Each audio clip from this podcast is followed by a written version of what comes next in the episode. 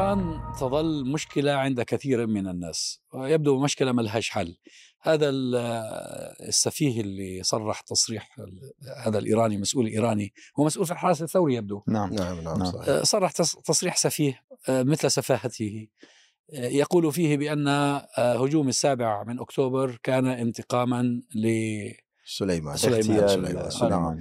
طبعا هذا تسخيف للقضية الفلسطينية وتسخيف للمقاومة تسخيف للشعب الفلسطيني. يعني الشعب الفلسطيني كله كل هالنضالات وكل هالتضحيات بدها تكون عشان في واحد اغتالته أمريكا بغض النظر إيش موقف الناس منه. مباشرة حماس نفت هذا الكلام وقالت هذا كلام غير صحيح على الإطلاق. نحن منطلقنا هو الدفاع عن الأقصى القضية الفلسطينية إلى آخره.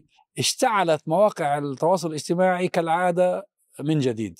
وهناك من ينبش من الماضي ينبش من التصريحات السابقة. آه، يريد أن يثبت أن حماس وبعض الفصائل الفلسطينية الأخرى مثل الجهاد الإسلامي هؤلاء آه، أدوات في يد إيران. يعني نفس المنطق الصهيوني.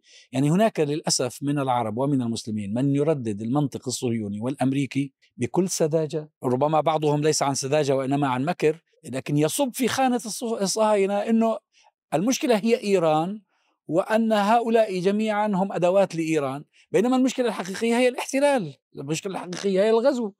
إيران فعلا هي معضلة وإشكالية كبيرة لأنه أولا طبعا سيرتها في دول كثيرة ومنها طبعا العراق وسوريا ولبنان واليمن.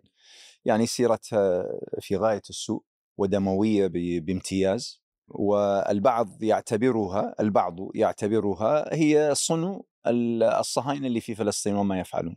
الذي فعلوه في العراق والذي فعلوه في سوريا والذي فعلوه في اليمن والذي فعلوه ويفعلونه في لبنان. يعني هذه كلها هي لكن الحقيقة الإشكالية الكبيرة في قضية إيران هي قدرتها الهائلة على خلط الأوراق وتعكير المياه.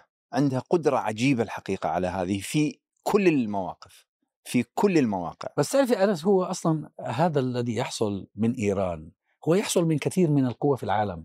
يعني أنت مثلا شوف أنت آه، روسيا وأمريكا آه، خصمان معروف في بينهم خصومة آه، لكن في في قضايا يتفقون عليها. فلا لا يعني أنك تتفق مع جهة معينة على أمر انه هذا ناتج عن تحالف أو تآمر. أنا أنا معك تماما وأتفق تماما أنه عداء إيران لإسرائيل هو عداء حقيقي هو عداء حقيقي. لكن استخدام المقاومة بالشكل الذي استخدموه ويستخدمونه. الحقيقة هذا في في في نوع من الخبث ما هو طبيعي. طبعا هو نعم ما هو طبيعي. صحيح وأنا أعتقد هي هذه هذه النقطة الآن يعني إيران كانت تبحث عن مكسب في هذا الموقف. أنت موقف يعني جذب العالم كله. لكن شوف التناقضات يعني. إيران في البداية نفت أي صلة لها في الموضوع. طيب لماذا نفت؟ لأنها وجدت أن ليس من مصلحتها ابدا كان خايفة جدا بأن تكون عليها الحرب بأنها يعني تكون في في الدائرة التي هي جمعت كل الدول التحالف هذا كله الذي حصل لأجل إنقاذ إسرائيل كان يعني مقصوده أيضا هو إيران أيضا يعني موجود هذا التهديد يعني موجود أن إيران هي الداعمة للمقاومة وبالتالي هي ستكون في هذه الدائرة. ف لما حصل هذا الأمر إيران تبرأت. ليس لدي علم ولا هناك تنسيق ولا هناك أي شيء. لكن إذا رأينا بس المشهد هذا صحيح هو هذا نعم صحيح. هذا صحيح. هو صحيح هو لم يكن لديهم علم. لا أكيد ألف بالمئة هذا الكلام صحيح. زين وإيران آه لن تطلع أكيد يعني على على ما هو في الداخل أكيد هذا 100% ونحن نعرف أيضا موقف المقاومة إن هذا يعني فما الذي حصل؟ ما الذي حصل بحيث دعاها الآن؟ ال الذي حصل هو أنه كشفت سوءتها أيضا بمقتل موسوي اللي هو في في سوريا واللي دائما إيران تتبجح بكلمة أنها سترد في الوقت المناسب وفي المكان المناسب, المناسب والكذا. طيب الآن إيش تستخدم؟ تستخدم المقاومة التي هي فعلت شيء وشيء كبير جدا اللي لم تكن إيران تتوقع بأن المقاومة قادرة أن تصمد طول هذه الفترة. بطبيعة الحال هذه كانت أصلا في الخيال بالنسبة لكل العالم تحليلات العالم في البداية. فهي الآن بدأت تستثمر هذه العلاقة اللي موجودة حقيقه لكنها استثمرتها بشكل أضرت بال آه بس لا تستبعد. أخ أحمد آه لا لا تستبعد. آه، أو أنا على الأقل لا أستبعد أن يكون هذا الذي صرح صرح من ذات نفسه التصريح غير دبلوماسي. وغير سياسي أن نوع من هناك. من صناع القرار في إيران ربما الآن يقولون له إيش يا كذا كيف تقول هذا الكلام لأنه ي- ينعكس سلبا عليهم أيضا كما تتفضل أنت كما تشرح في لكن أستاذ في, في جوانب قد ينعكس سلبا لكن أعتقد أن توقيت التصريح يبدو أن إيران تدرك بأن كما يدرك الصهاينة بأن مرحلة ما بعد الحرب تبدو قريبة وبالتالي يجب الاستثمار في مرحلة ما بعد الحرب. فتصريحها يدل على أنها هي لا تريد أن تتبنى المقاومة لأن هذا ليس في صالح المقاومة من جهة ولن يصدقها أي أي طرف عربي. لكن هي تستهدف إضعاف الدول العربية التي لديها مع مشاكل. لما تتكلم إيران بأن المقاومة لديها امتداد أو لديها آه، ربما مصالح مشتركة مع إيران. لما يكون في ذراع آه، الحوثي يقوم بعمليات على الأرض فهذا يحرج يحرج دوله كالسعوديه يحرج دول أخرى. وبالتالي أعتقد بأن الإيرانيين آه، ماكرون سياسيا وقد شرعوا في تحريك الآلاء من ال... من بعض التصريحات الغير يعني لائقة سياسيا لكنها تصب في التوجه إلى كيف نستثمر مرحلة ما بعد غزة لأنه هناك عامل آه، يبدو أن إيران ضعيفة فيه وهي في حال ما تم إقرار إعادة إعمار غزة. فالمال الخليجي لن تقاومه إيران بينما من حيث الدعاية فهذه الفترة الزمنية هي فترة لإيذاء ل- للوكز بأن الدول العربية السنية لم تؤدي دورها بينما إيران آه، تسعى إلى كسب ود جزء من الجماهير وإلى محو شيء من تاريخها في سوريا. وتاريخ الجرائم أيوه بس هو للأسف يعني إذا كان هذا الكلام صحيح فهو فعلا صحيح يعني لأنه الدول العربية الس- التي تحسب على السنة هي متحالفة مع الصهاينة وكما قال أحدهم قال يا ريت يعني- لو واحدة من الدول العربية حاولت تستثمر المقاومة تقول والله هذا يعني إحنا وهذا عملنا. فعلنا. الم- المملكة العربية السعودية والإمارات العربية المتحدة التي ترسل برسائل للصهاينة وتقول لهم خلصوا على حماس وخلصوا على المقاومة وخلصونا من هذا الموضوع وهم يستعدون إعمار إعمار غزة غزة ويسووها مثل دبي. لكي تكون على كما يريده الصهاينة. فبالتأكيد إيران موقفها هنا متميز يعني لا, لا يمكن إنكاره. لكن التحدي الأكبر بالنسبة للإخوة الفلسطينيين هو لا يمكن أن آه، يعني تستمر القضية الفلسطينية خارج العمق ال- العربي السني يعني. وبالتالي من جهة الفلسطينيون مقاومة وشعبا بسيطا يدرك بأن آه، هناك خذلان عربي سني. لكن هو من لا الحكومات. يمكن لا من الحكومات, الحكومات. وحتى بين الشعوب يعني بين قوسين أن المبادرة على مستوى النيات لكن هو يدرك بأنه لا يمكن أن يتخلص من هذا العمق الجغرافي فعليه أن يتعامل معه مثلا دولة كالسعودية موقفها كان يعني آه، متواطئ بشكل واضح وكثير من الدول آه، لكن هل يمكن للفلسطينيين أن ينظروا إلى آه، يعني 20 30 سنة وتحديات إقامة الدولة الفلسطينية بعيدا عن إيجاد طبيعة ما لعلاقة جديدة مثلا مع السعودية لا يمكن ذلك. إذا كان آه، ظل النظام كما هو عليه الآن آه، بالتأكيد لن يحصل وفاق. آه، لكن إذا إذا تغير الوضع في السعودية بالتأكيد يعني أن- أنا كفلسطيني وعربي ومسلم وسني أفضل أن تكون حاضنتي هي الحاضنة العربية المسلمة السنية بالتأكيد.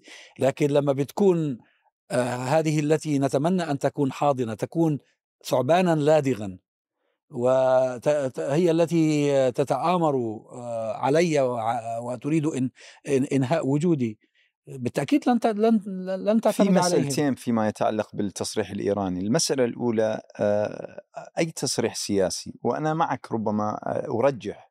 ولا أعلم طبعا لكن أرجح أنه هذا تكلم من ذات روح من ذات نفسه ولكن أي نوع من التصريح من هذا ال... أنت لازم تسأل أنه من هو الجمهور؟ إلى من من يخاطب. وخاصة في البيانات السياسية آه، عادة في جمهور معين أنا أخاطبه إما الجمهور الداخلي مثلا أو ربما أنظمة خارجية أو الأطراف التي هي جزء من الصراع أو أو أو. فالسؤال هو من كان المقصود؟ من يخاطب هذا الرجل؟ هذه واحدة. المسألة الثانية طبعا التوقيت أيضا كان لافت لأنه بوتين كان في لقاء وزيارة قبل أيام. وإحنا صار لنا الآن عدة أسابيع الحقيقة لا نسمع لإيران حسا. لا نسمع لإيران حسا. وفجاه بعد زيارة بوتين وإذ خرج مثل هذا التصريح. طبعا قضية آه، اغتيال موسوي وكذا كانت هذه يعني ليست من ذات أنفسهم إنما من الآخر.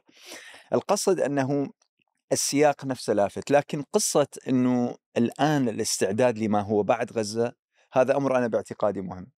الآن الجميع يستعد لما بعد غزة يبدو أنا باعتقادي وخاصة من الخطابات التي تخرج من واشنطن مثلا وحتى من بريطانيا أن هناك ضغط غير بسيط على الإسرائيليين بأنه ينتهوا خلال فترة بسيطة وأنه لن يعطى لهم يعني مساحة أو وقت زمني أكثر مما أعطوا وبذلك بعد ذلك يعني س ثم السؤال الكبير الذي يسأله الجميع ثم ماذا؟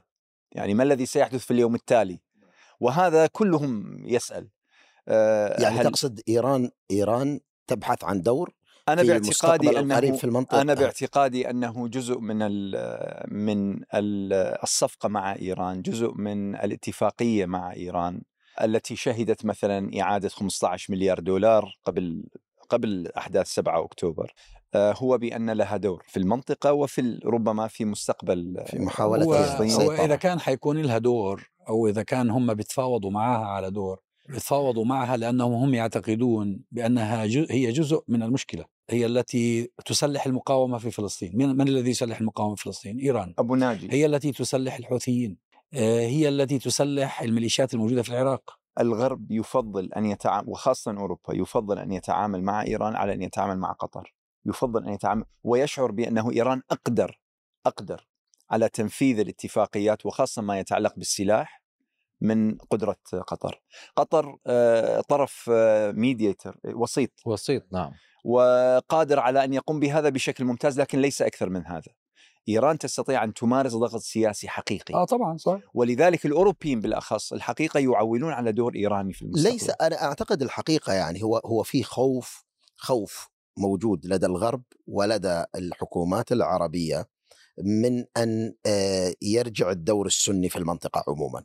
يعني أن يكون هناك آه، يعني تحول جديد في المستقبل القريب للشعوب وهم يعتبرون أنفسهم ترى طلعوا من انتصار يعني خاصة أنت اليوم لما نشوف الدول المطبعة مثلا الإمارات كدولة مطبعة وطبعت تطبيع غير عادي زين ويراد أن يكون لها دور كبير جدا بالتصريحات اللي موجودة حول ما بعد الحرب يعني في تصريحات واضحة وإحنا شفنا زيارة عبد الله آه عبد الله بن زايد وزير الخارجية لحسين الشيخ آه لتنسيق هنا هناك تنسيقات حاصلة على أساس ما بعد الحرب والتواصلات ما بين إسرائيل والإمارات حول هذا الموضوع. نرى أن القضية عند الإمارات لماذا؟ لأن الإمارات قادت الثورة المضادة السيطرة على المنطقة. وبالتالي التفضيل للتعامل سواء مع إيران أو مع هذه الدول المطبعة لأجل ما بعد آه، الأحداث هو أمر بالفعل واضح الآن. الآن هو فيه فيه شيء من الوضوح.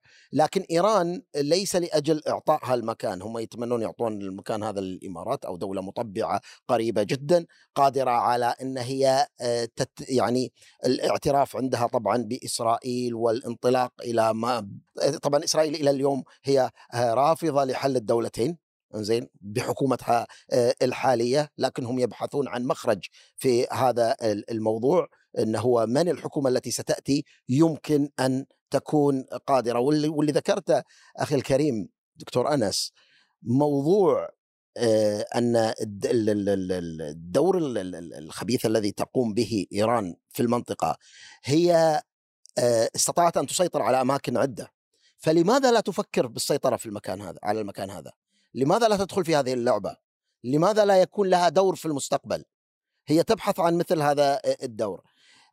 ما يحصل اليوم من دخولها في في في هذا التصريح إذا قلنا أنه إذا طبعا فرضية اللي قالها الدكتور عزام هي موضوع أنه تصريح غير مسؤول ويعني قد يعني أرجح ذلك قد يكون نعم وهناك ترجيح أو هناك يعني رأي آخر إن لا تصريح مرتب منظم. بس لاحظ طيب. أنت أنت بتتكلم عن الدور آه، الإيراني كما لو أنه ما فيش دور. إيران لها دور كبير. في في ماذا في المنطقة يعني؟ لولا التسليح الإيراني لما تمكنت المقاومة من من كل هذا النضال. يعني هذا هذا لابد من أن نقر به لأنه هذا واقع. ال- الإشكال أنا أفتكر إن يعني طوفان الأقصى حصل في في فراغ عربي إسلامي كبير جدا. إحنا لا- لازم نعول على إن ال- الكيانات ال- الموجودة كدول هي الكيانات التي تعبر عن عن توجهاتنا العربية والإسلامية وبالتالي أي حل لابد أن يكون من خلال هذه هذه ال- الكيانات. الواقع إنه غزة نفسها قدمت نموذج لأنه الحل ليس داخل هذه الكيانات. الحل سيأتي من خارج هذه الكيانات السياسية التي أصلا نحن نحن لم نصنع الإمارات ولم نصنع السودان، يعني الآخر هو الذي صنع لنا السودان، الآخر هو الذي صنع لنا الجزائر، الآخر هو الذي صنع لنا الإمارات وقال لنا هذه كياناتكم. فهي أصلا ليست مواعين ل- لقضيتنا الأساسية.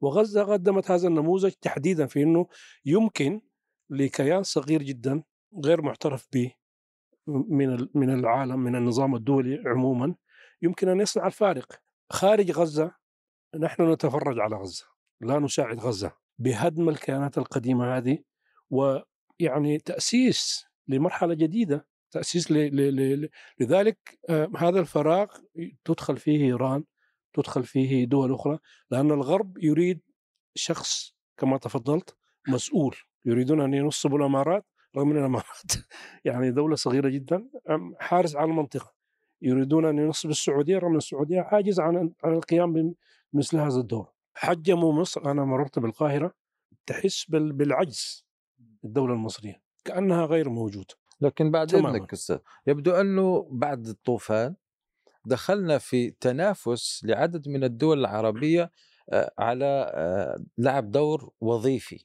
يبدو أن الآن الأمريكان أصبحت لديهم بدائل عن من يختارون من الدول أن تؤدي دورا وظيفيا. كان الجميع يت- يتقدم لوظيفة. لا لأنه لأنه لم يعد لديه أداء رئيسي وبالتالي لما تجتمع الدول العربية وتشكل لجنة لتطوف حول العالم فمعنى ذلك أنه لم يعد لديهم أي وظيفة على الأرض، هم الآن طالبي وظيفة طالبين لدور وظيفي لدى القوى الكبرى، لكن المخيف في الأمر لما تنظر إلى خارطة الدول العربية ولما نتحدث عن الشعب العربي وعن الحكومات العربية الأمر مخيف، لم تبقى إلا عدد قليل أو لم يبقى إلا عدد قليل من الدول التي يمكن القول بأنها لا تزال مستقرة نسبيا. بالرغم من أنه لو ندخل خطوة إلى الأمام للبحث عن الحالة الشعبية داخل هذه الدول قد نصاب بالإحباط. لا يمكن لشعوب عربية على المستوى الداخلي أن تعجز في الدفع بالمظالم التي تأتي من من الأنظمة الحاكمة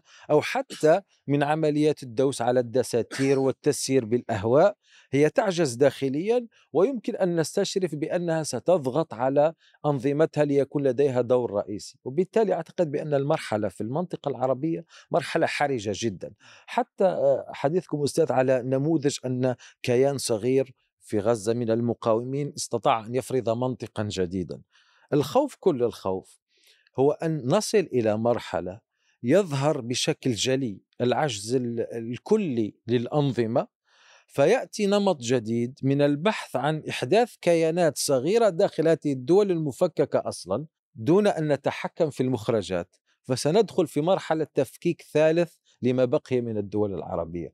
عطفا على هذا كنت قلت أستاذ بأنه في أمور على الأرض لا يمكن تجاوزها، يعني لا يمكن أن تتجاوز حالة الدول العربية بضعفها وبخيانة عدد كبير من الأنظمة. لأن في تقديري مرحلة ما بعد الع... ما بعد العواطف ومرحلة ما بعد الأحاسيس التي كانت في قلوب الشعوب ستأتي. ما الذي ستقوم به الشعوب بعد أن بكت على آلاف الشهداء بعد أن تحسرت بعد أن بقيت لساعات أمام شاشات التلفاز تتابع الأحداث.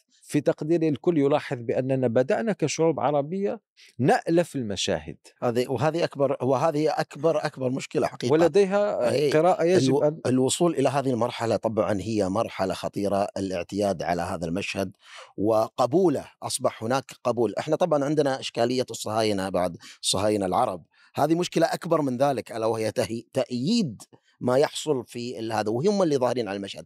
أنا أرجع وأقول أن هذه النتيجة اللي حاصلة هي نتيجة ما حصل ما بعد سقوط الثورة. يعني الشعوب العربية تشعر آه، خلني أشبهها تشبيه يعني بسيط أنها أخذ أخذ القادة كلهم قيادات من الشعوب العربية أخذوا كلهم وأودعوا السجون ومنهم من مات في السجون بطبيعة الحال يعني فكأنه أدب الشعب العربي ووضع في غرفة هكذا يأخذ لكمات في غرفة مظلمة يأخذ مل- لكمات من كل مكان ولا يدري من أين يأتي المكان. ال- ال- ال- هذا فهو أصلا في حالة آه، من الأسر ومن الضعف شديدة جدا بعد هذا النقطة اللي تتفضل فيها وهذه هي النقطة أعتقد ال- ال- المهمة هو أن الشعوب اليوم يجب أن تعي بأنها يعني الإحباط الذي حصل لها يجب أن لا يستمر معها. وإلا النموذج ال- ال- اليوم ال- ال- ال- ال- ال- الذي يحصل لغزة هو سيمتد. يعني ترى ترى إحنا لسه خارجين من مصيبة سوريا وما انتهت. ما رأيناه في سوريا والبشاعة التي تعامل معها النظام السوري آه، مع الشعب ال- ال- ال- ال- السوري بشع جدا إلى درجة كبيرة جدا. لكن هل الناس نست الناس بدأت كأن هذا الشيء ما حصل. اليوم وهذه مشكلة الشعوب إذا لم تنهض اليوم وتفهم بأن الأدوار جاية عليها شعب وراء شعب.